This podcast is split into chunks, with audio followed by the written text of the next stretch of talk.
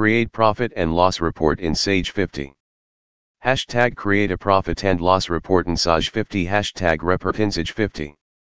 Creating a profit and loss report in Sage 50 is a straightforward process that can be completed in a few steps.